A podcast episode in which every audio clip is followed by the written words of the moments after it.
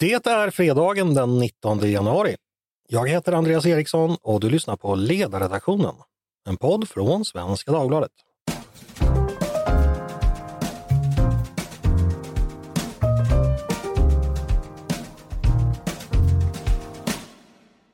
Varmt välkomna ska ni vara till oss. Varmt välkomna till ännu en fredagspodd med Ledarredaktionen.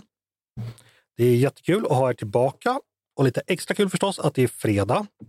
För då har ju jag sällskap med mina kollegor här i podden. Det är kanske inte lika kul som i riksdagen om man ska tro de labb som Aftonbladet anlitat för att analysera deras handfat. Men vi ska försöka ha så roligt vi kan och fortfarande vara på rätt sida om lagen. Vi ska prata om veckan som gått och de saker som har hänt och vilken vecka det har varit. Trump har gjort comeback, Stenevi har sjukskrivit sig, en misstroendeförklaring har misslyckats, Stockholms blodbad har återbesökts och så har Socialdemokraterna återigen skrivit historia. Enligt det senaste så har man i trakten av Bommersvik nyligen upptäckt hällristningar där Stefan Löfven varnar för hög invandring och där Morgan Johansson förgäves vädjar till Fredrik Reinfeldt om att gränserna måste stängas. Mm. Spännande! Snart i en DN Kulturtext nära dig.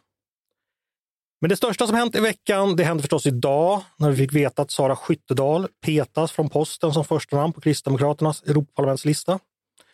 Bakgrunden enligt partiet att hon sökt möjligheter till uppdrag hos ett annat parti. Då blir det istället Sveriges Televisions Alice Teodorescu Måwe som ska toppa listan. Oj, säger jag. Oj, oj, oj. Med tanke på dessa vilda nyheter anar man att det i nästa granskning kommer dyka upp spår efter ett och annat även på Kristdemokraternas kansli. Frågan är om det räcker med ladd då, kanske snarare en cocktail på PCP och ketamin som kommer krävas för att lugna nerverna där. Vi får väl se. Och vi ska förstås också prata lite om vad vi själva skrivit, tyckt och gjort i veckan. Tipsa om texter och poddar från ledarsidan och givetvis samla samtidens alla intryck och uttryck, avtryck och övertryck, förtryck och nytryck. Med mig för denna grannlaga och viktiga uppgift har jag med mig inga mindre än Peter Wennblad, Tove Livendal, Mattias Svensson och Paulina Neuding. Varmt välkomna! Tack, Tack så mycket! Hej. Fyra stycken vill du ha idag, Andreas. Vilket gäng! Hela Fraggelberget samlat på en gång. Precis. Eh, Tove, vi bänkade ju dig förra veckan. Hur har det varit tillbaka? Ja, men jag är mer laddad än någonsin. Med tanke på ladd? Då. Exakt. Precis. det var lite kul. Du, eh, jag har hört att du varit på stormande hav i veckan. Och då menar jag inte de där redaktionsledningsmötena du ständigt springer på, utan riktigt hav. Stämmer det? Ja, jag har farit över Östersjön. Ja, men du kom, du kom fram till stranden, kom, kom till hamn. Till jag blåste i land. Du, Peter, du är med den här gången på länk den enda, för nu är vi samlade i Stockholm. Eh, när ska det bli folk av dig så att du flyttar till Stockholm? Nej, det kommer inte hända. Det är klokt att du håller där du är. Den här stan skulle äta dig levande. Eh, Paulina, med dig är det tvärtom. Du äter den här stan levande. Hur är det med dig? Det är bra. Tack för att jag fick vara med ändå, fast vi blev fyra. Hur har du klarat kylan i dessa dagar? Eh, förvånansvärt bra faktiskt. Ja. Man måste tänka att det är mysigt. Du har ju vana från att början på, på, på 10-talet börjat vilja diskutera invandring till Sverige och efter den köldvågen man utsatts för då så, så, så, klarar man det mesta. Men, men tydligen så var inte det alls eh, speciellt konstigt har jag fått lära mig nu när jag följer Socialdemokraterna. Ja, Stefan All... Löfven kämpade ju hela tiden äh, under den tiden. De har varit på din sida. ja, precis. De stod bakom dig. Det var bara du som inte tittade om axeln så stod de där allihopa, hela Aftonbladets ledarsida och gänget. Och Fast när de står bakom dig. Eh, det där var som Mattias Svensson som av någon anledning imiterade Gunnar Hökmark. Jag, jag förstår inte riktigt. Eh, men Mattias, det är bra att du presenterar dig. Du, inga långpass i helgen hoppas jag? Eh, jo, men det får det nog bli. Jag var ute och sprang igår kväll och det funkade. Har du brodda på dig? Nej, jag är för långsam, så det behövs inte. Ja, vi hoppas du är, du är rädd om det ändå, för att om du blir liggande så kanske det inte är så skönt. Och, och det dröjer innan man hittar dig, tänker jag. Ja, det har du planer. Hörni, eh, vi ska börja vecka, det som var veckans stora politikersnackis innan KD välte bordet i morse. Vi har redan hunnit skoja om den. Eh, det gäller det faktum att Aftonbladet eh, kunde avslöja att riksdagen inte bara är en plats där debatterna tänder till utan också andra saker. Eh, nivån på debatterna är höga, men det är inte det enda som är, eh, som är höga där. De politiska processerna må vara sega, men så går de också på kola ibland. Eh, diskussionerna tappar energi, men det är bra att veta att det finns ladd nära till hands. Nu har jag skämtat färdigt om det. Peter, den här storyn att det har använts narkotika på fyra av riksdagspartiernas kanslier, är du förvånad? Nej. Nej. Därför att narkotika förekommer överallt. Och således också i, politik, i politikens korridorer och toaletter. Men även om det här kanske inte var något nytt, det var väl en kul grepp av Aftonbladet tycker jag, att göra det här? Absolut, det har ju enorm potential. Alltså det här, man kan ju göra liksom 290 kommunala versioner av det här. Mm. Och, ja, det, det, finns liksom inga, inga gränser för det. Det är som kvittojournalistiken. Man kan göra om det hur många gånger som helst. Nu kan ni sätta kommunen på kartan. Precis, det beror på hur mycket tomma kartor man hittar i, papperskorgarna. Men, men, men, men, jag tänker så här, det var ju tips då, då till, till, till lokaltidningsjournalistiken då, som det här kan bli deras räddning. Eh, in och låna toaletter i kommunhuset. Sen kanske man inte ska hoppas för mycket på vissa kommuner i, i, i Norrlands inland och bibelbältet, men vad vi vet, de kan, de kan överraska narkotikafrågan är ju kanske inte politiskt riktigt vad den är. Det är ju som du säger Peter, där människor finns tenderar eh, narkotika att finnas. Påverkade det här förtroendet för politiken tror du? Nej, det tror jag faktiskt inte. Alltså den tid när narkotika blev liksom en politisk affär, den ligger ju ganska långt tillbaka. Det var väl typ Thomas Bodströms marijuana-rökande eller vad det nu var som var det senaste. Okej, okay. men, men hyckleriet då? Att man säger en sak och gör en annan? Ja, men, ja, men precis. Jag tror det är ju snarare det och det, Mattias kommer säkert att, att utveckla det att det är, liksom, det är den... Alltså, någonstans är ju liksom de politiska partierna den sista bastionen som, som eh, så här, kompromisslöst står bakom den nuvarande narkotikapolitiken. Så det, det är ju det är det som blir grejen. Mm. Vi släpper in Mattias, din tanke? Eh, ja, alltså jag tycker ändå man ska unna sig att vara lite förvånad därför att eh, eh det, det, är eh, den enda intellektuellt sett den enda liksom förslutna bastionen på den här sidan, nykterhetsorganisationerna, som försvarar varje del av ett mycket, mycket långtgående svenskt narkotika. Alltså politiken som helhet, tänker du? Eh, ja, eh, och riksdagspolitiken. Och de har vägrat att till och med utreda policyalternativ, eh, vilket forskare klagat på. De har utrett det själva, då blundar man för utredningen. Eh, det är liksom så instängt intellektuellt, till, vilket, vilket liksom får en massa eh, skadliga konsekvenser. Men eh, till och med där, till och med i de här miljöerna, till och med de här som har stått och moraliserat över partyknarkare, som har stått och försvarat de här linjerna offentligt gentemot alla väljare, till och med här förekommer det. Man, gör, man säger det här, men man tror inte på det i praktiken. Det här som du säger är intressant för att som du säger har ju narkotikapolitiken fått ytterligare en dimension de senaste åren i med gängvåld och skjutvapenvåldet. Mm. Narkotika är inte bara dumt av andra tidigare skäl utan nu, nu är det ju så att det är partyknarkarna som i princip gör att ungdomar i förorten skjuter varandra. Så här finns ju en helt ny, eller ja, relativt ny moralisk dimension helt enkelt. Ja, eh, fast det är ju en, en sanning med modifikation. Ja, det kanske inte är sant, men det är vad, man, vad folk ja, säger. Det, det, är definitivt vad man säger. Då blundar man ju helt för att det, det är inte skri, ristat i sten att det måste vara beväpnade gäng som säljer narkotika. Det går att göra reglerat och kontrollerat på ett helt annat sätt än idag. Jag tänker kanske att Paulina har någonting att replikera där.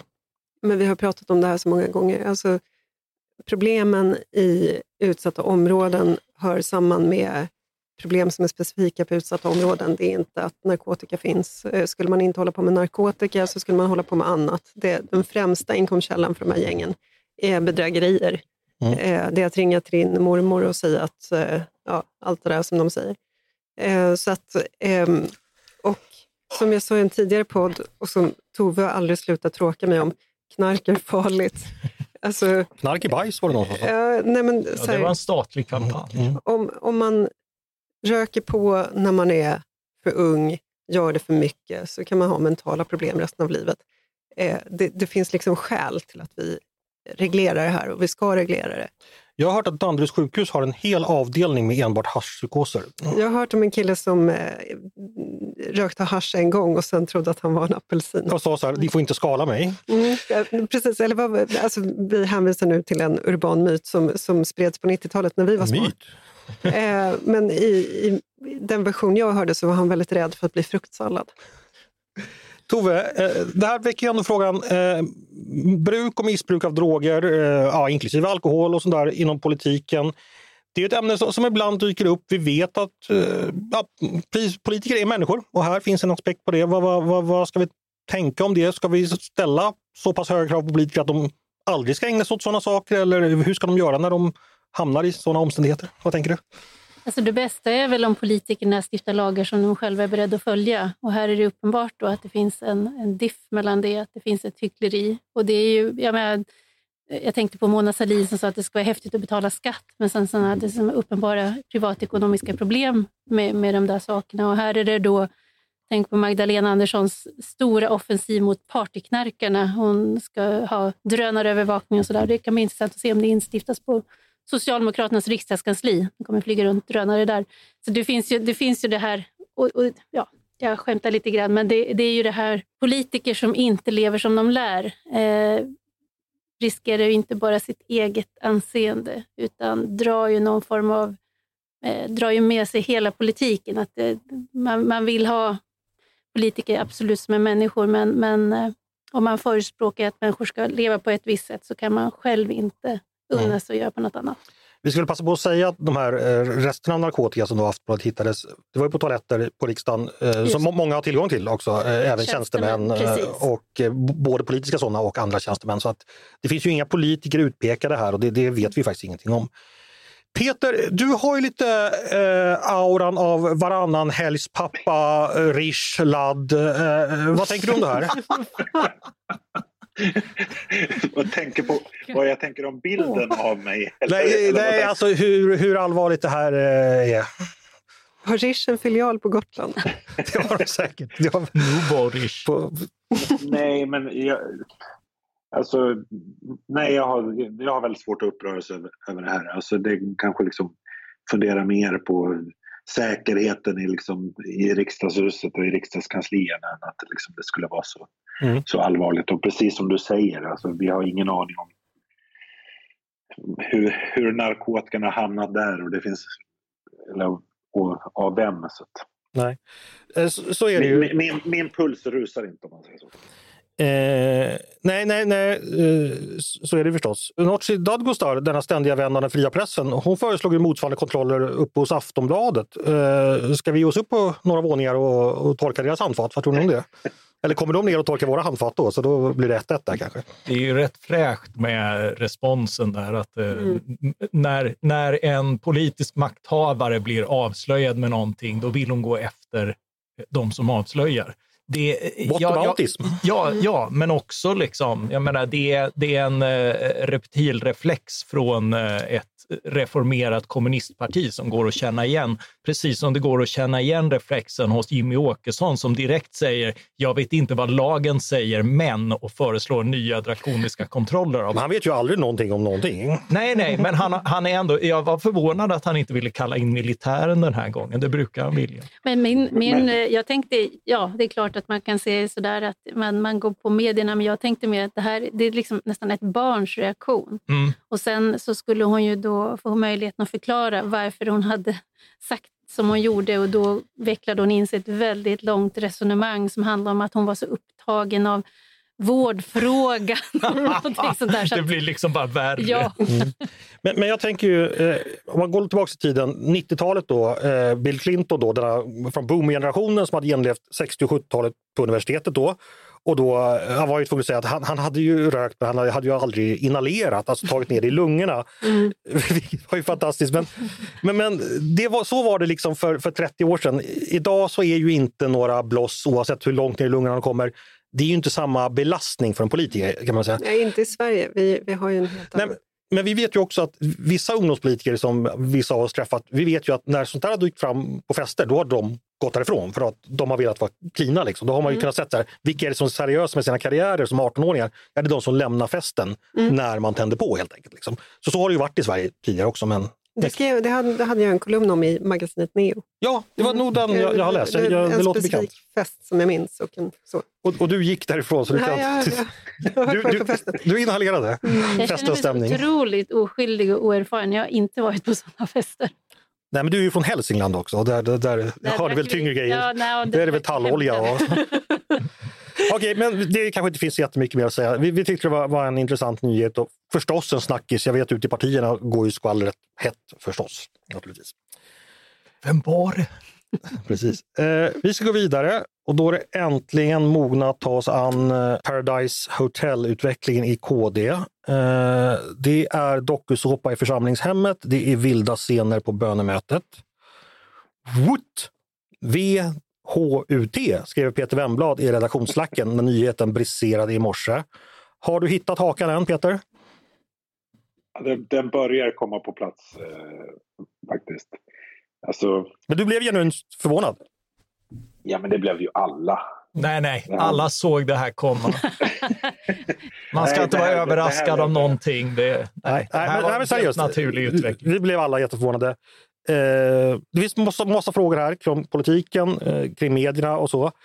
Tove, vi börjar med det rent partilogiska. Att söka uppdrag i ett annat parti som då Sara Skyttedal eh, ska ha gjort, det, eh, det är grund för uteslutning. Så långt, inget konstigt. Det är ju ett big no-no förstås. Ja, ja, men så är det. Man, Och det är det inom alla partier. Alltså, ja, man, man gör slut innan man söker någon annan. Precis. princip. Eh, nu kommer ju de här uppgifterna från partiledningen. Jag har inte hittills sett Sara Skyttedal kommentera dem under dagen. Nej, hon har skrivit att hon eh, i sinom tid kommer att berätta, ge sin version, men det är inte idag. Mm. Eh, de här uppgifterna kom då till partiledningen. Nu blir, får vi ju spekulera, men är det inte här någonting man, man håller hemligt ifall man går och eh, vänstrar hos någon annan eller högrar? Så att säga? Ja, jag, det skulle jag förmoda att man försöker göra. Ja. Men, men nu, nu gick inte det. Eh, och så var det då både Sverigedemokraterna och Moderaterna nämndes ju som Mm. partier här, vad jag förstod. Eh, Paulina, vad tänker du? Vad, varför tror du, om du får spekulera, att Skyttedal tittar åt andra håll? Vad, vad skulle hon få hos andra partier som hon inte fick hos Kristdemokraterna? Eh, jag, jag kan inte bedöma det, men det har ju funnits en konflikt kring eh, Sara Skyttedals beskyllningar mot en partikollega och eh, hennes, eh, men också då att hon gick ut eh, i narkotikafrågan på ett sätt som inte var förankrat eh, innan de här beskyllningarna kom. Så det, det har ju funnits en, eh, ja, en konflikt, så det är inte så konstigt kanske om, om det här stämmer, att hon Mm. skulle ha gått till Precis, för historien var ju så att efter det här utspelet där hon gick ut eh, på DN Debatt, buller och bång och, och Mm. sa att eh, cannabis borde, borde legaliseras. Hon var för övrigt med i podden och pratade om det, så det finns en intervju ni kan lyssna hur hon resonerar. Eh, det, det må vara, vi, vi talade ju tidigare att narkotika har blivit mer eh, okontroversiellt, men, men legalisering är ju fortfarande kontroversiellt i många partier, Speciellt i KD då. speciellt i KD. Och, Och, och efter det så, så, så petades hon så, från första platsen av, eh, vilka var det då? Var det nomineringskommittén? Tror jag. Nomineringskommittén. Precis. Och David Lega då, han som är den andra kristdemokraten i, i parlamentet, de har ju två stycken, han vann ju faktiskt provvalet ganska stort i somras.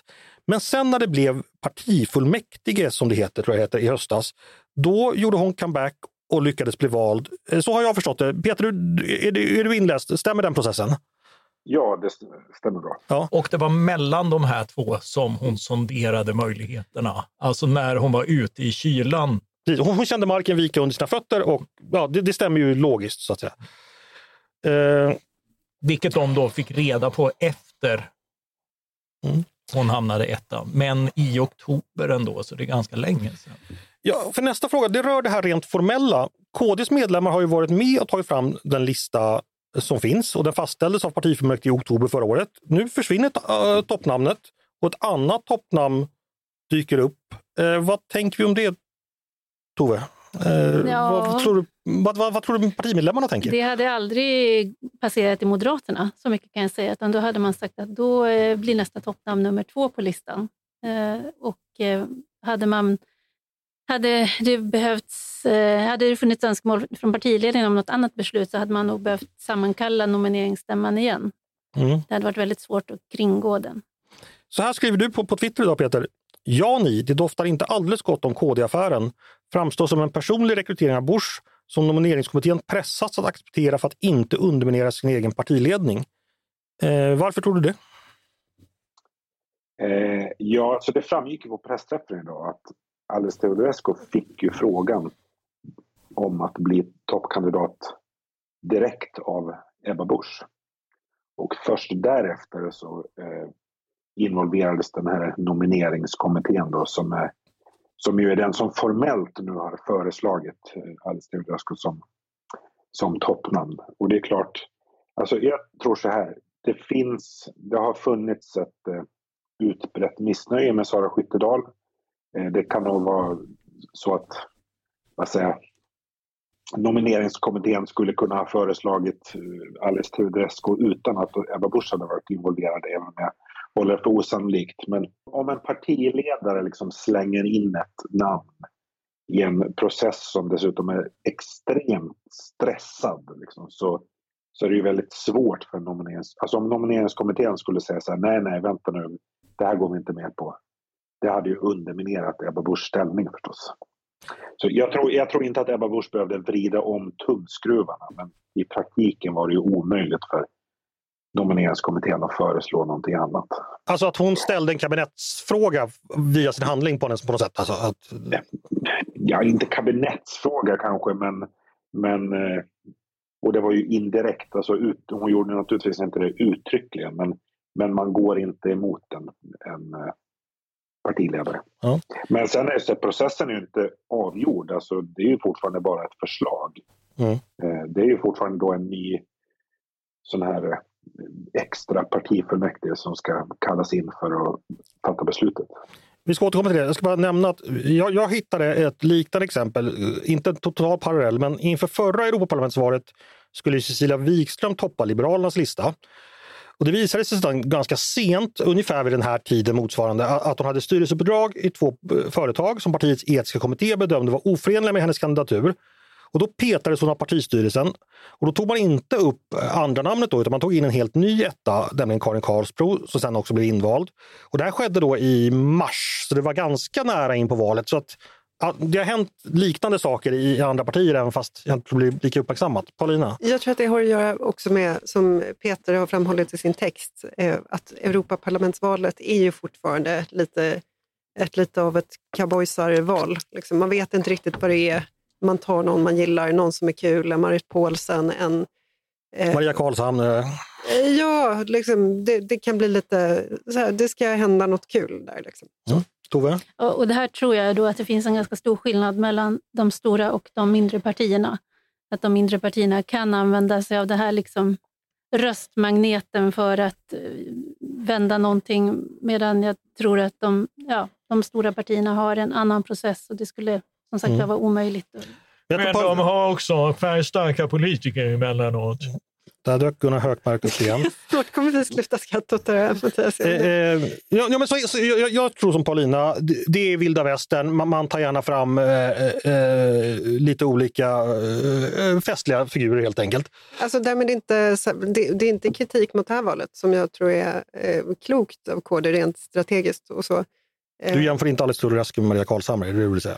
Absolut inte. Mm. och men, men, det, finns, det ligger liksom i EU-valets natur att man, eh, det finns utrymme att experimentera där på ett helt annat sätt. Mm. Ja, men, men också plus att säga, det är inte så att Ebba Busch sitter lös som partiledare men ändå så att det börjar diskuteras hur länge hon ska bli kvar. Och så att hon har ju ett behov av att visa upp ett bra valresultat i, i EU-valet. Mm. Eh, och och det är mer, liksom, jag, jag antar att bedömningen är att ett bra valresultat är mer sannolikt med liksom en profilerad toppkandidat. KD gjorde ett ganska bra Europaparlamentsval senast, 2019. De fick drygt 8 procent av rösterna och två invalda parlamentariker.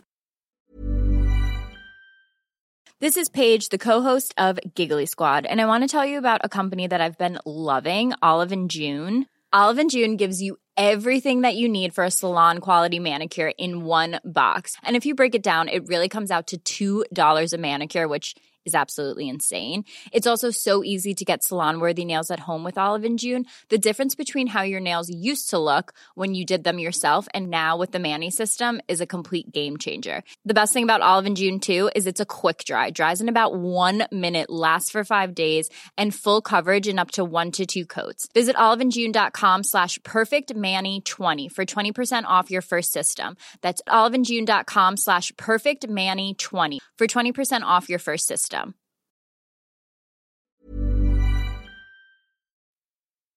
Om vi då går över då till den nya kandidaten eh, Alice Teodorescu Måwe. Eh, ska sägas att eh, några av oss, inklusive undertecknad, har haft en professionell relation med henne. Hon, eh, eh, hon rekryterade mig som kolumnist i Göteborgs-Postens eh, ledarsida när hon var chef där. Eh, så det Hon sagt. är tidigare medarbetare på ledarsidan. Tidigare ledare, ja, så vi, vi är med på det.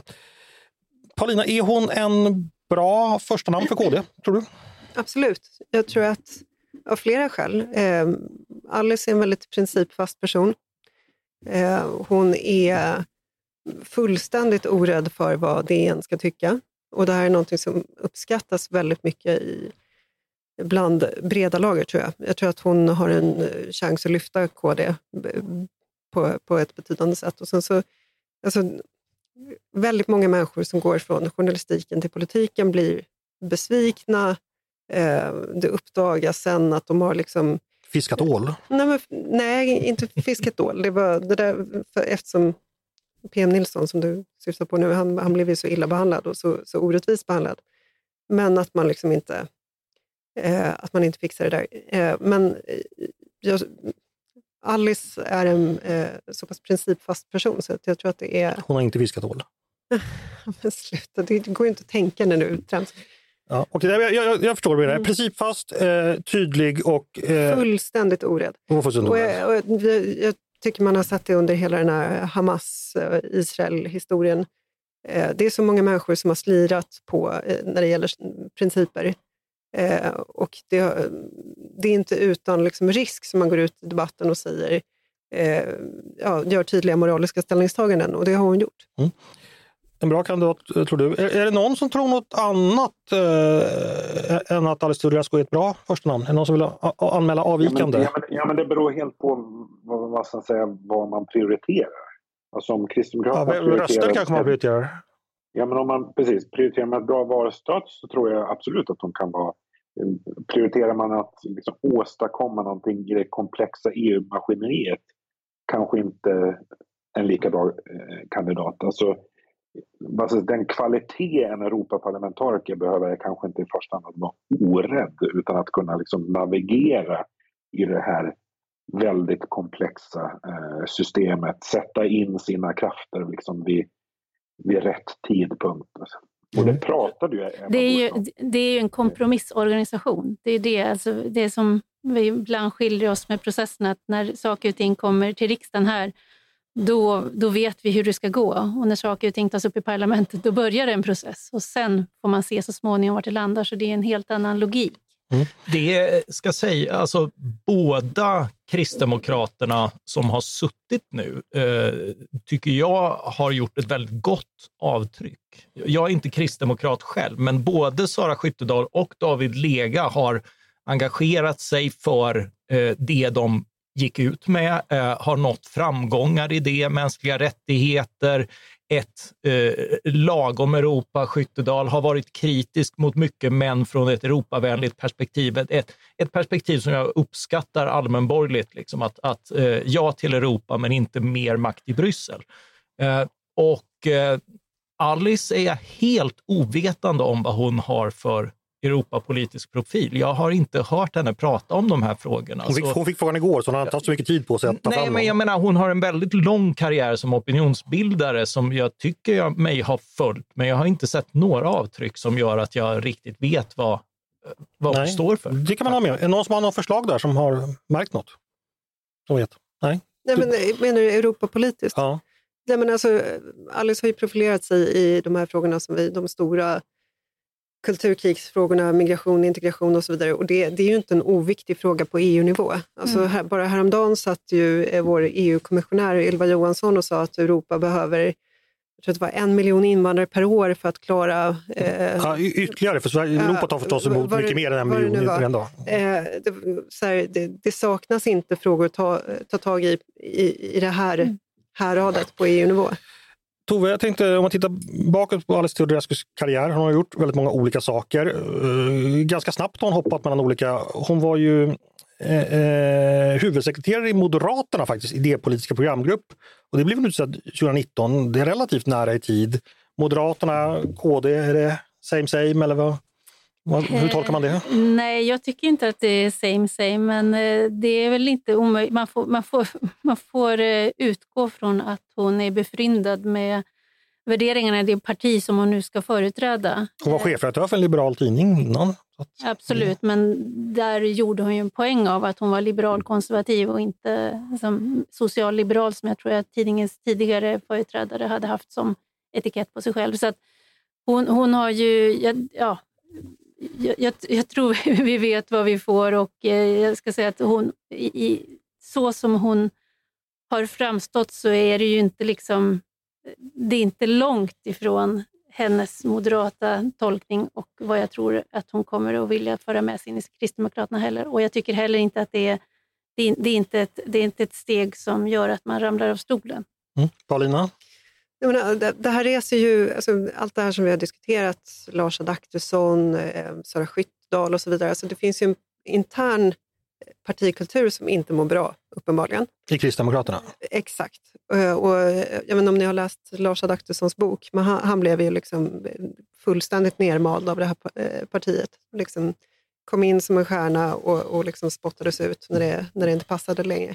Eh, han blev väldigt illa behandlad på ett sätt som verkligen kastar skuggor över eh, Ebba Busch och hennes ledarskap. Så att det, det finns ju pro problem i partiet. Det blir ju tydligt också i, mm. i det här fallet, att saker och ting inte funkar som, som man skulle vilja. Varningssignal där. Ytterligare en aspekt här rör ju programmet Teodorescu och Suonen på SVT. Eh, ett avsnitt har sänts, tre ytterligare planerade. Och nästa skulle ha sänts på onsdag nästa vecka. Eh, det blir då inte av förstås. Peter, hur tror du redaktionen där känner sig? Jag tror inte att det var så glada minen i morse. Nej. Eh, och jag tycker enligt programförklaringen där så vill ju Alice Teodorescu citat bort från det dagspolitiska spelet. Hur, hur låter den programförklaringen mot bakgrund av det vi vet nu? Ja, den, den åldrades inte. Det, det svänger fort i politiken. Ja, eh, nej, de är kanske inte så glada i redaktionen. Och Suonen, ja, eh, så här, alla förstår att det går fort i hockey ibland. Man får frågan, och måste svara ja. Men är det schysst agerat, tycker du Peter? Jag, jag väljer att tro på det som har sagts, det vill säga att frågan ställdes igår eh, och kom som en fullständig överraskning för Teodorescu. Så att, då tycker jag väl liksom att hon har hanterat det på det sätt som hon har, hon har kunnat. Mm. Eh, men, det, men det är klart att det fram, framstår som lite udda. Jag vill bara göra en liten rättelse där, Andreas. Att det har faktiskt sänts fem avsnitt av eh, Sunon och Tedrescu, men bara ett i år. Jaha, det är säsong två redan alltså? Ja, eller säsongerna har gått över nyåret. Mm. Jag har faktiskt inte sett någonting än. Ska, eh, vi har precis fått reda på, på, på att eh, Teodorescus eh, efterträdare är utsedd och det blir Göran Greider. Eh, jag tror inte någon är särskilt förvånad. Eh, Han är till höger om Suhonen nämligen. Precis. Mm. Nej, men vi kan säga så här att Expressens biträdande chefredaktör Karin Olsson hon twittrade så här idag. Bli nu inte ängsliga och lägg ner ert bästa debattprogram SVT! Utropstecken. Ersätt Alice T med förslagsvis Paulina Neuding, en tydlig borgerlig och tv-mässig kvinna. Och inom parentes, ta ingen socialliberal, det blir för nära zonen. Paulina, du borgerliga och tv-mässiga kvinna, har, har, du fått några anbud? Det här var ju väldigt rart skrivet av eh, Karin Olsson, så att, eh, tack för det. det. Det var ju roligt att höra. Vi noterar att du har mobilen med dig in i studion. Ja, precis. Apropå mobilen. Är det, är det nu vi ska säga eh, att jag börjar på, på heltid på, på den här redaktionen? Nej, jag ska dra ett skämt först. Jaha, ja. mm. Jag har fått några mystiska påringningar från något som kallas Oxenstiernsgatans underrättelse och bakgrundskontroll AB. De ställde märkliga frågor om det var sant att Paulina en gång hotat sticka en ögonbrynspenna i ljumsken på en tv-sminkös som inte framhävde hennes kindben på rätt sätt. Och jag kunde varken bekräfta eller dementera, eh, så de sa att de skulle ringa vidare, men mm. det pågår.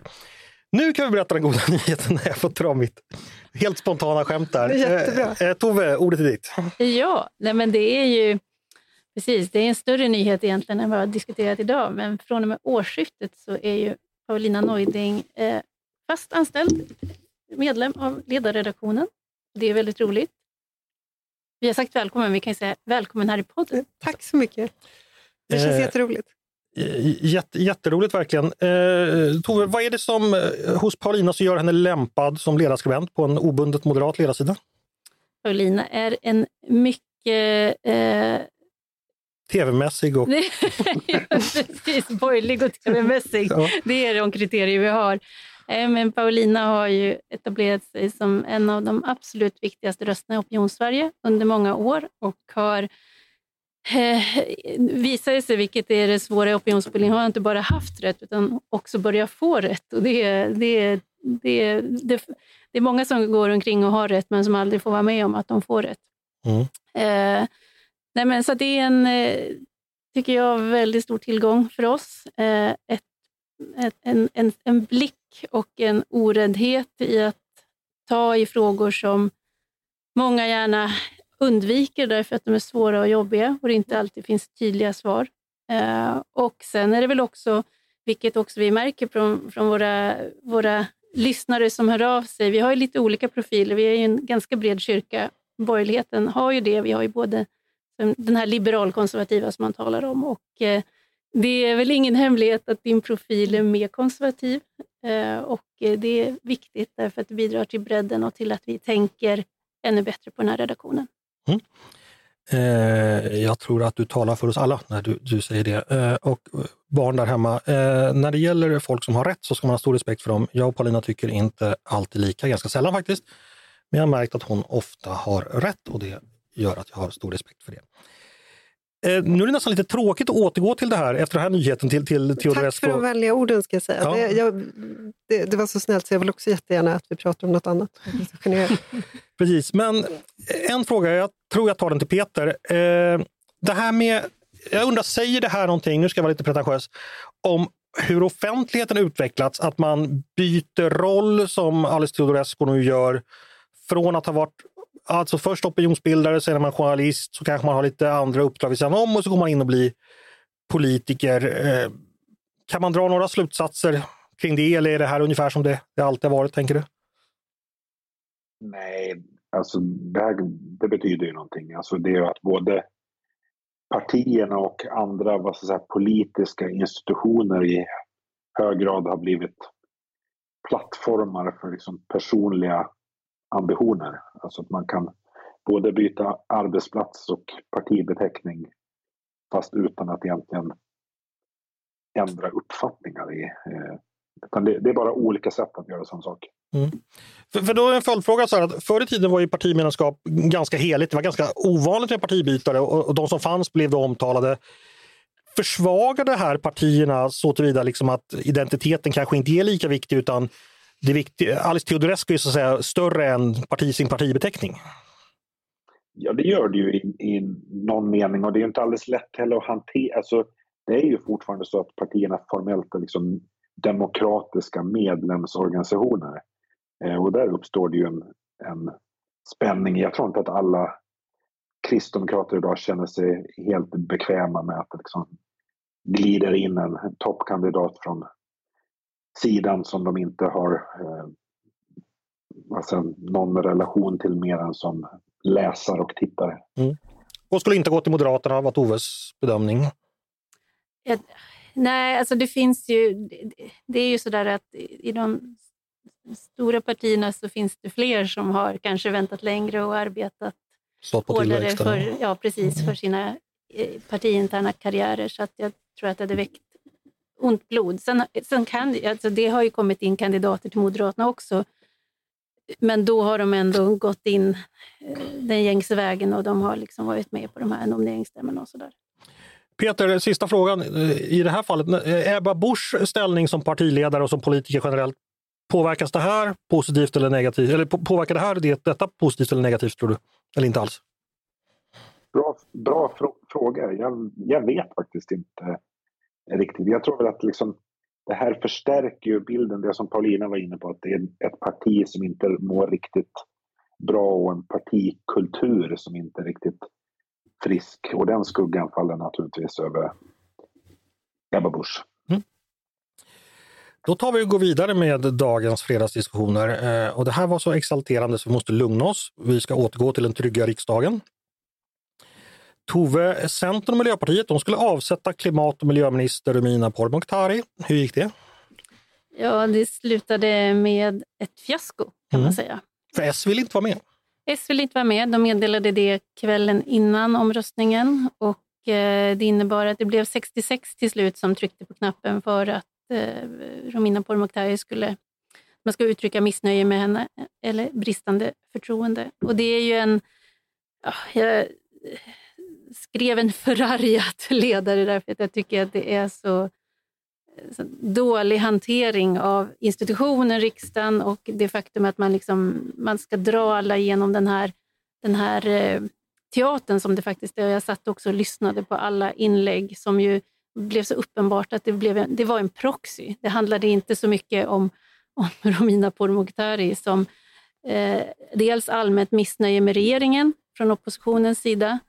Och det är lite fel att säga oppositionen för den består av fyra separata satelliter i skilda omloppsbanor. Eh, så att det blir missvisande att tala om den i bestämd form. Men sen också en, en, den här, det här, apropå hyckleri, då, det har verkligen varit ordet för veckan, men att partier som, som låtsas fortfarande att det man gjorde 2017 och de planer man har haft för att förverkliga klimatmålen då, att det har funnits en realistisk plan. Det har det inte funnits, men det är det Romina Pourmokhtari nu försöker se till att vi får och har Mm. lyckats bättre än sina företrädare med. Så är det. Och vi, vi kan ju vara helt öppna med, med bakgrunden till det här. Det är ju att Liberalerna av de rödgröna förmodligen fullt riktigt identifierats som den svagaste länken i, i riksdagsmajoriteten. För i partiet finns ju visserligen en liten men ganska röststark minoritet som vill byta block och ansluta till socialdemokratin och därmed fortsätta den framgångsrika kampen mot SD som fördes fram till valet 2022. Ni vet då SDs politik var helt frånvarande från landet och partiets röstandel kunde räknas i promille. Och Romina Pourmokhtari som tidigare luftordförande och också, också som ung kvinna har identifierats som en svag länk här. Det är ju vad det handlar om, det, det är vad det kokar ner till.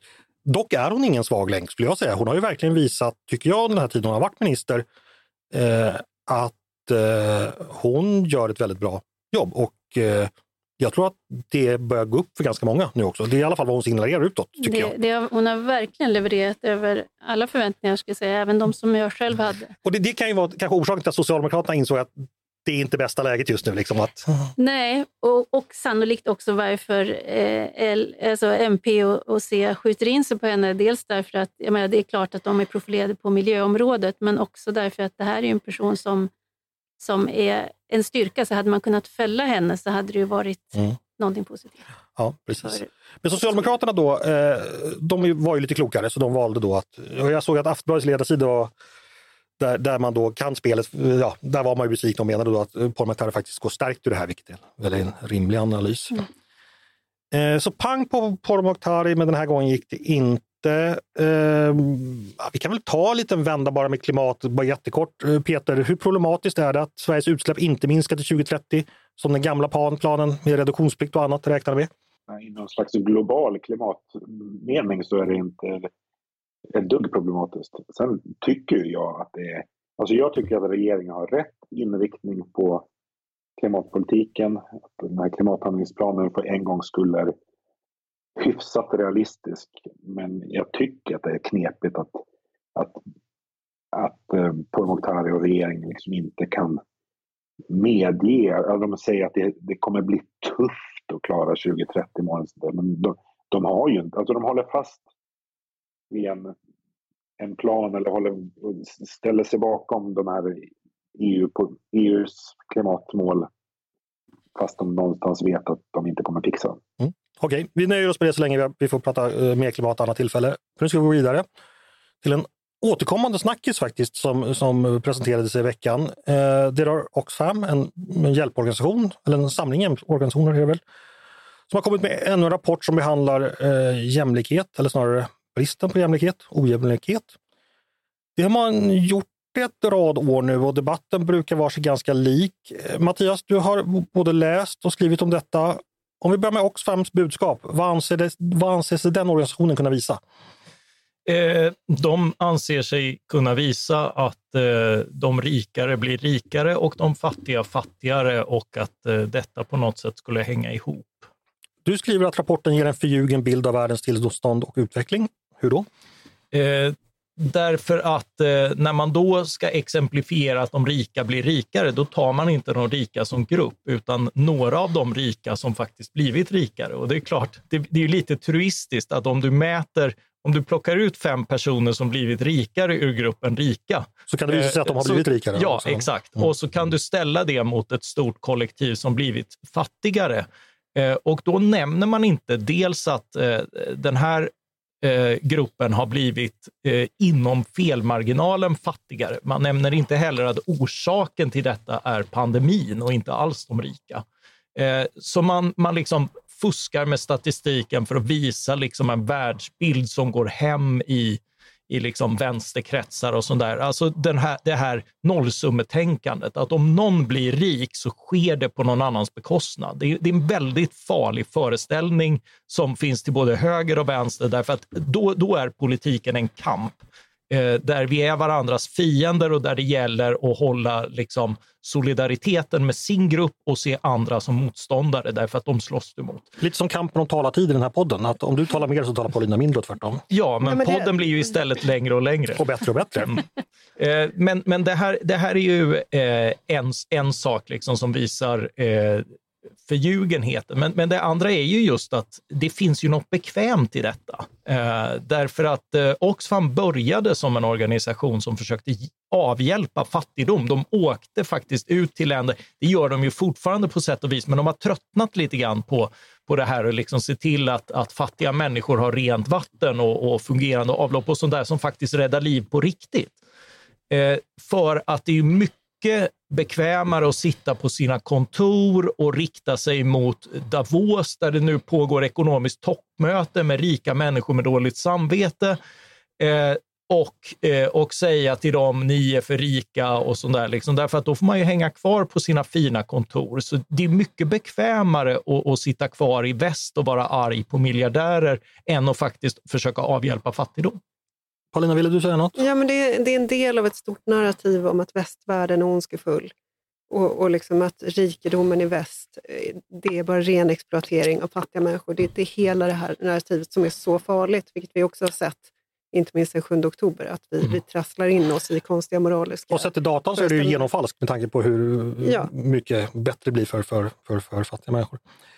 Eh, där har du skrivit om. Eh, mm. Du tipsade också om en text som Johan Norberg skrivit ja. Smedjan va? Ja, precis. Och han, han går ju igenom det här hur eh, det fuskas med statistiken, medan jag mer på, påpekar hur förljuget det är att ställa det här med rikedom mot fattigdom. För om man är emot fattigdom, då borde man ju vara för rikedom.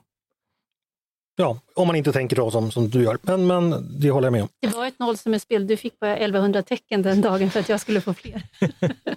Ledarsidan är då i alla fall Men det blev ändå bra. Ja. Hörrni, vi ska fortsätta. Eh, en liten kort tråkig nyhet som jag ändå tänkt att vi skulle kommentera. Det nämnde jag inledningsvis att Märta Stenevi har sjukskrivit sig. Eh, hon är sliten säger hon. Hon skriver så här på, på Facebook. Mycket hände samtidigt, rent privat i familjen, men också alla spekulationer och läckor inför vår kongress. Ovanpå detta omvärlden all död. Uh, ja, hon nämner ju inte utbrändhet, men ja, det låter ju som något åt det här hållet. Uh, Tove, det här händer ju ibland, att politiker gör så här och helt enkelt inte orkar eh, vara med. Så, vad, vad, vad, vad ska man tänka om det? Ja, dels så är det väl eh, en påminnelse om att politiker är människor och eh, människor reagerar olika på olika situationer. Eh, det är ju bara Märta Stenevi som vet exakt hur, hur det har varit för henne och eh, hur ja, situationen är helt enkelt. Så det, det, är ju, det här är också ett ämne där man mer spekulerar och gissar. Eh, sen, är, sen är det ju klart att det är, ju en, det är en svår situation. Det har uppenbart varit mycket diskussioner i även hur det partiet mår.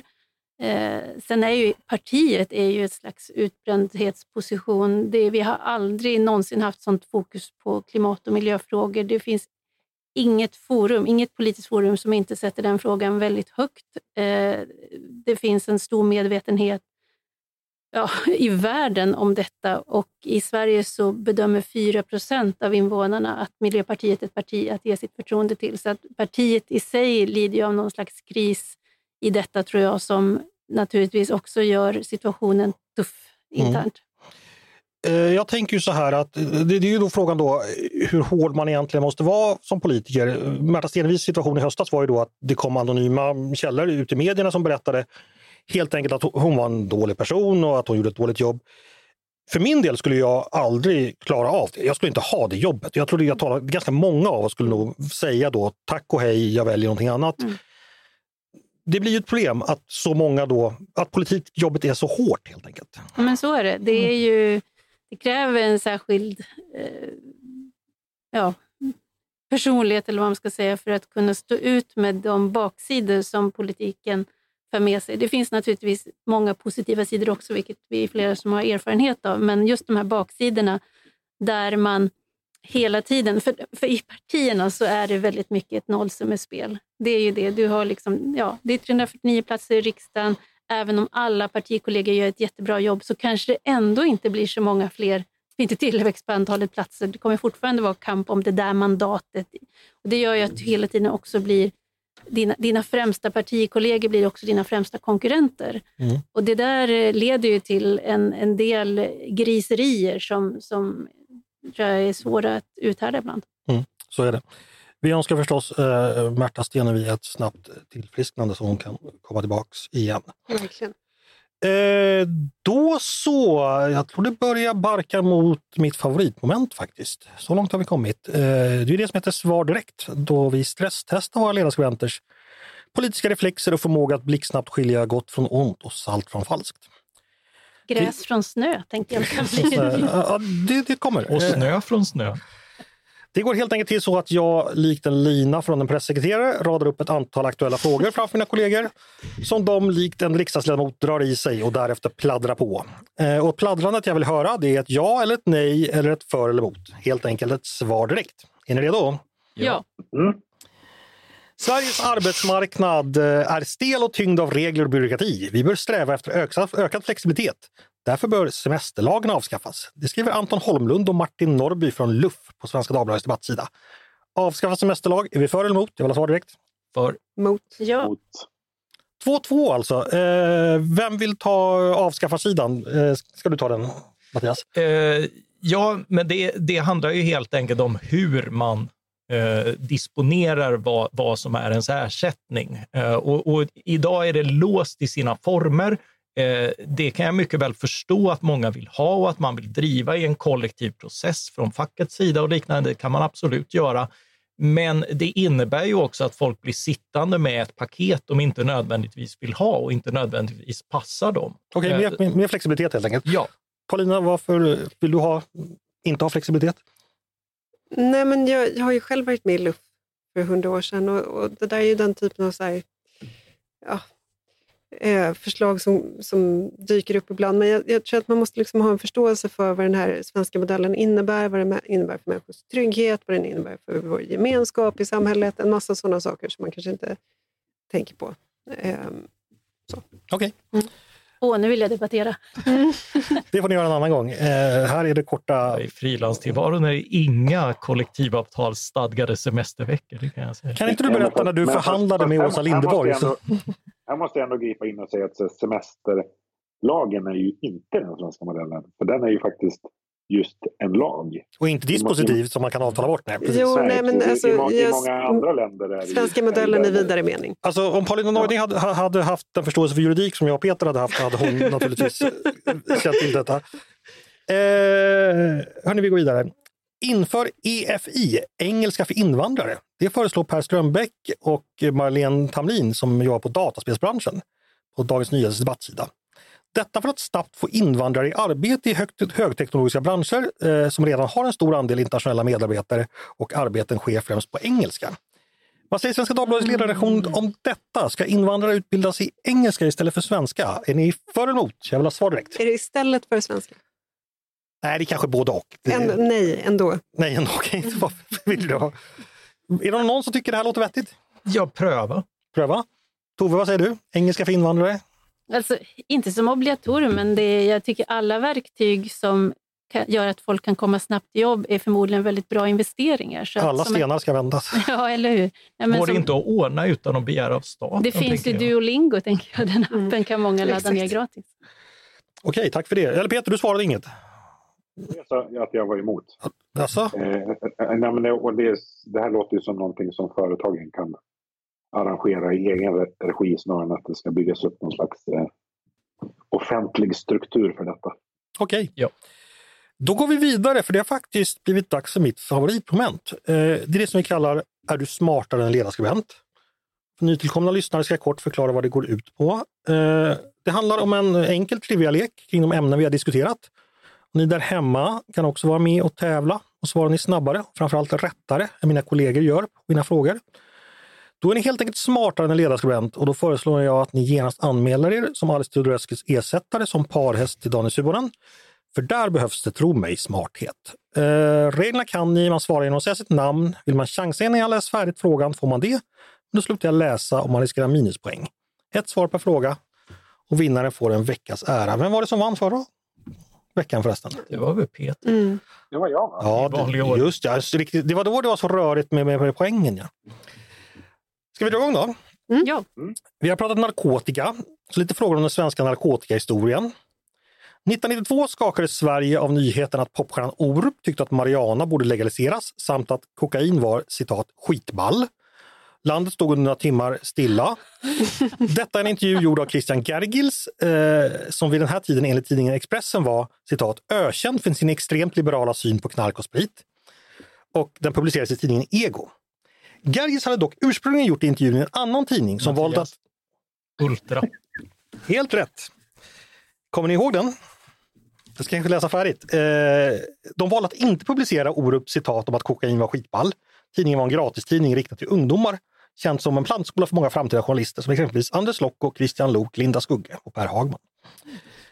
Jättebra tidning, jag har några nummer kvar hemma Jag, jag faktiskt. blir så glad varje gång någon använder ball på det där sättet. Ja, in, precis. Det känns riktigt eh, Ballt. Om, om, ball. jag, ja, om jag får tänka lite så, så kan jag komma fram till vilken ordklass man, man gör det till istället för den som det brukar vara. Men jag hinner inte tänka så snabbt. Eh, Mattias leder med ett poäng. Mer knark. Eh, Den här frågan har vi haft förut, men den är så rolig. Vilket år skulle enligt Morgan Johansson Sverige vara narkotikafritt? Mattias, Mattias? 2012. Ja, helt rätt. Nu fick jag det rätt. Eh, Så blev det kanske inte. Eh, next time, Mogge, säger vi. Eh, No next time. Mer knark så blir du stark. Eh, 1982 skrev Lars Molin en roman som hade just narkotika i centrum. Romanen blev senare tv-serie. Vad hette den här romanen? Ingvar Hirdwall spelade huvudrollen i, i tv-serien. Eller en av huvudrollerna. Du frågar om en tv-serie 1982. Boken kom 1982, tv-serien kom 1985, men den har gått till repris- också. Nej, den tycker jag faktiskt ni ska läsa. Den heter Korset och är väldigt intressant. Den behandlar vad som närmast kan beskrivas som en konservativ statskupp i Sverige.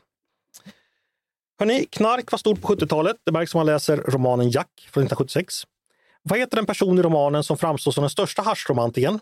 Enligt huvudpersonen Jack röker han minst 10 pipor om dagen och i filmversionen spelas han av Kjell Bergqvist. Nej, jag vet. Jag har inte läst den. Har ni inte sett filmen? Nej, eh, så halva. Någon gång. Jag har Det var så tråkigt. och sett Ja, Örjan Ramberg och Göran eh, Stangertz eh, är med. Han heter Harald. Eh, då ska vi faktiskt komma en musikfråga. Nu kommer det bli eh, låtar som handlar om narkotika. Och då ska jag spela upp dem eh, och sen så vill jag, heta, vill jag veta vilket artisten är. Är ni med? Mhm. Mhm. Mm.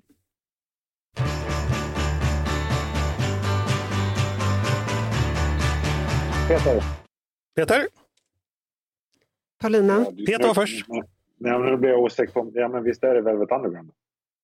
Det var det, Waiting for the man eh, i Harlem som ska sälja godsaker. Snyggt av Peter, ett poäng. Då tar vi nästa. Paulina. Paulina? Men vänta, är det, det är Thåström i något format? Är ditt svar Thåström? Det är artisten vi söker alltså? Ja. Det var fel. Eh, Peter. Peter? Eh, jag måste erkänna att på distans hör man lite dåligt, men det lät som Ebba Grön. Ja, det var rätt. Men är inte det Thåström? Men art- artisten var inte Thåström. Nej, men- Nu ska vi säga så här Peter, i och med att alla vet att du är gotländsk mästare i pubquiz, musikpubquiz, så, så tycker vi det är rättvist att du, du hör lite dåligt på distans. Kan du köpa det? Jag tycker också att det låter rättvist faktiskt. Den här då?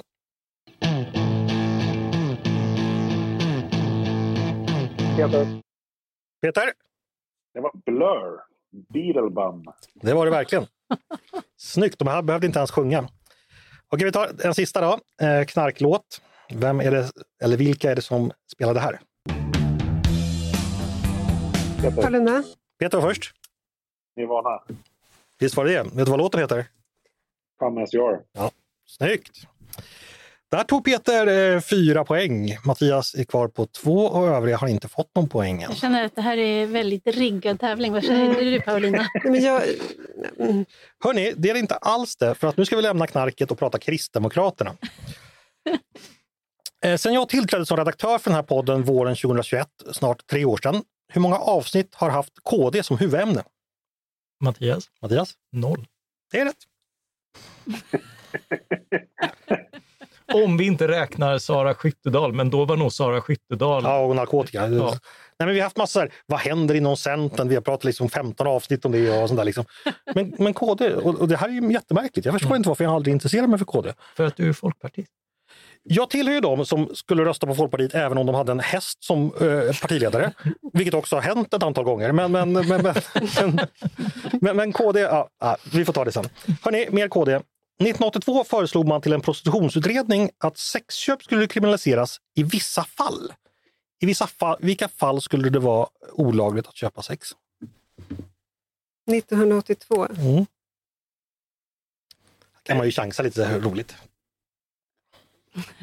Ja, fast det vågar man kanske inte göra. Paulina, Paulina? om det var homosexuellt.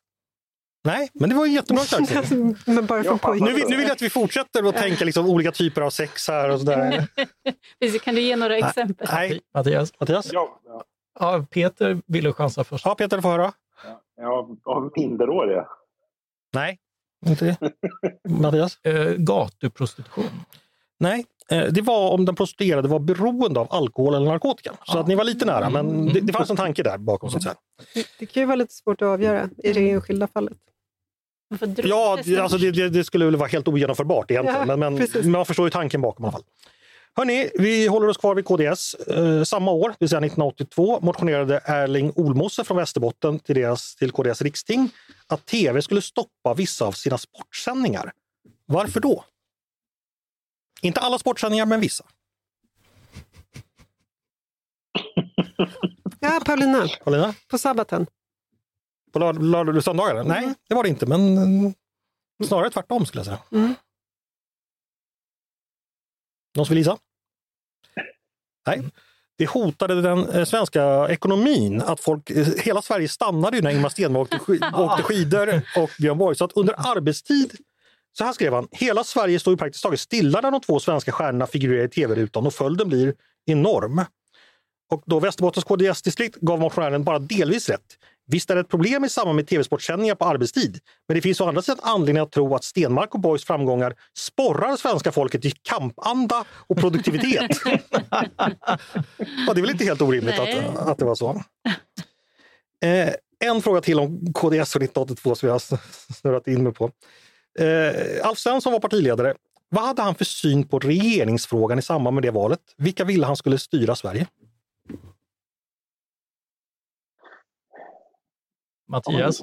Mattias? Eh, jag chansar på en samlingsregering. Ja, det vill han ha. Han vill ha ett samstyre. Han tyckte att det var... Så, då har ni fyra poäng vardera eh, pojkar. Eh, Könsfördelningen är ju väldigt jämn här. Hörni, det är den 19 januari. Eh, Henrik har namnsdag idag. Några frågor om Henrik. Eh, Henrik Pontén, jurist, numera tyvärr alldeles för tidigt bortgången, hörde man mycket talas om på 00-talet. Då han var frontperson i en organisation för upphovsrätt eh, som bland annat var i, i strid med The Pirate Bay. Vad hette den organisationen? Mattias. Mattias? Antipiratbyrån. Så hette den. Just i ledning. Mm. Eh, apropå pirater då, eh, Fritiof Nilsson, piraten, känner ni till. Eh, hans berömda bok börjar ju så här. Min vagga vaggade i Tostrup i Färs härad av vilket län?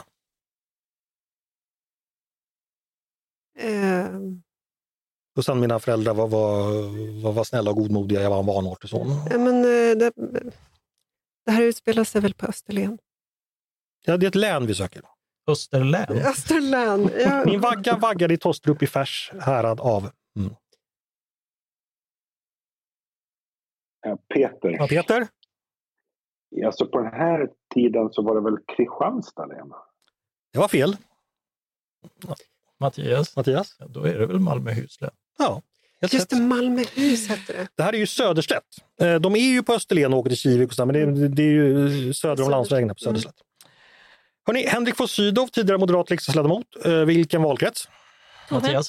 Tove var först. Halland. Det var rätt. Ja, och eh, därmed är vi klara för idag. Och då har eh, Tove fått ett poäng. Paulina mm, fick Är, inga är, poäng. ni, är ni säkra på att jag inte ska gå till SVT? Peter fick fyra poäng och Mattias är veckans segrare med sex poäng. Grattis! Tack. Väl, jag har vunnit sen i somras. fyra gratispoäng. Alltså musikquiz och knark, det var, ja, det, det var inte bra här. Eh, Kristdemokraterna vägde inte riktigt upp det. Det var ju konstiga frågor om Kristdemokraterna också. Verkligen, och konstigare svar dessutom. Eh, ja, eh, då får vi ta och eh, sammanfatta för idag för att det här var allt jag hade att bjuda på. Eh, är ni nöjda? Mycket. Tove, Ja. kan vi ta helg? Eh, inte riktigt än, vi har lite jobb kvar. Men eh, vad podden och poddens lyssnare eh, anbelangar kan vi ändå säga att jag önskar alla en trevlig helginsats. Verkligen. Stort tack Tove Livendal, Paulina Neuding, Mattias Svensson och Peter Wennblad för att ni gästade mig idag. Tack så mycket. Tack Andreas Tack. Eriksson. Och tack till er som har lyssnat förstås på dagens avsnitt av Ledarredaktionen. En podd från Svenska Dagbladet. Som vanligt är ni varmt, varmt välkomna att höra av er till redaktionen med tankar och synpunkter på det vi precis har diskuterat. Eller om ni har idéer och förslag på vad vi ska ta upp i framtiden. Då bara mejla till ledarsidan snabel svd.se. Dagens producent han heter förstås Jesper Sandström. Jag heter förstås Andreas Eriksson och hoppas förstås att vi hörs snart igen.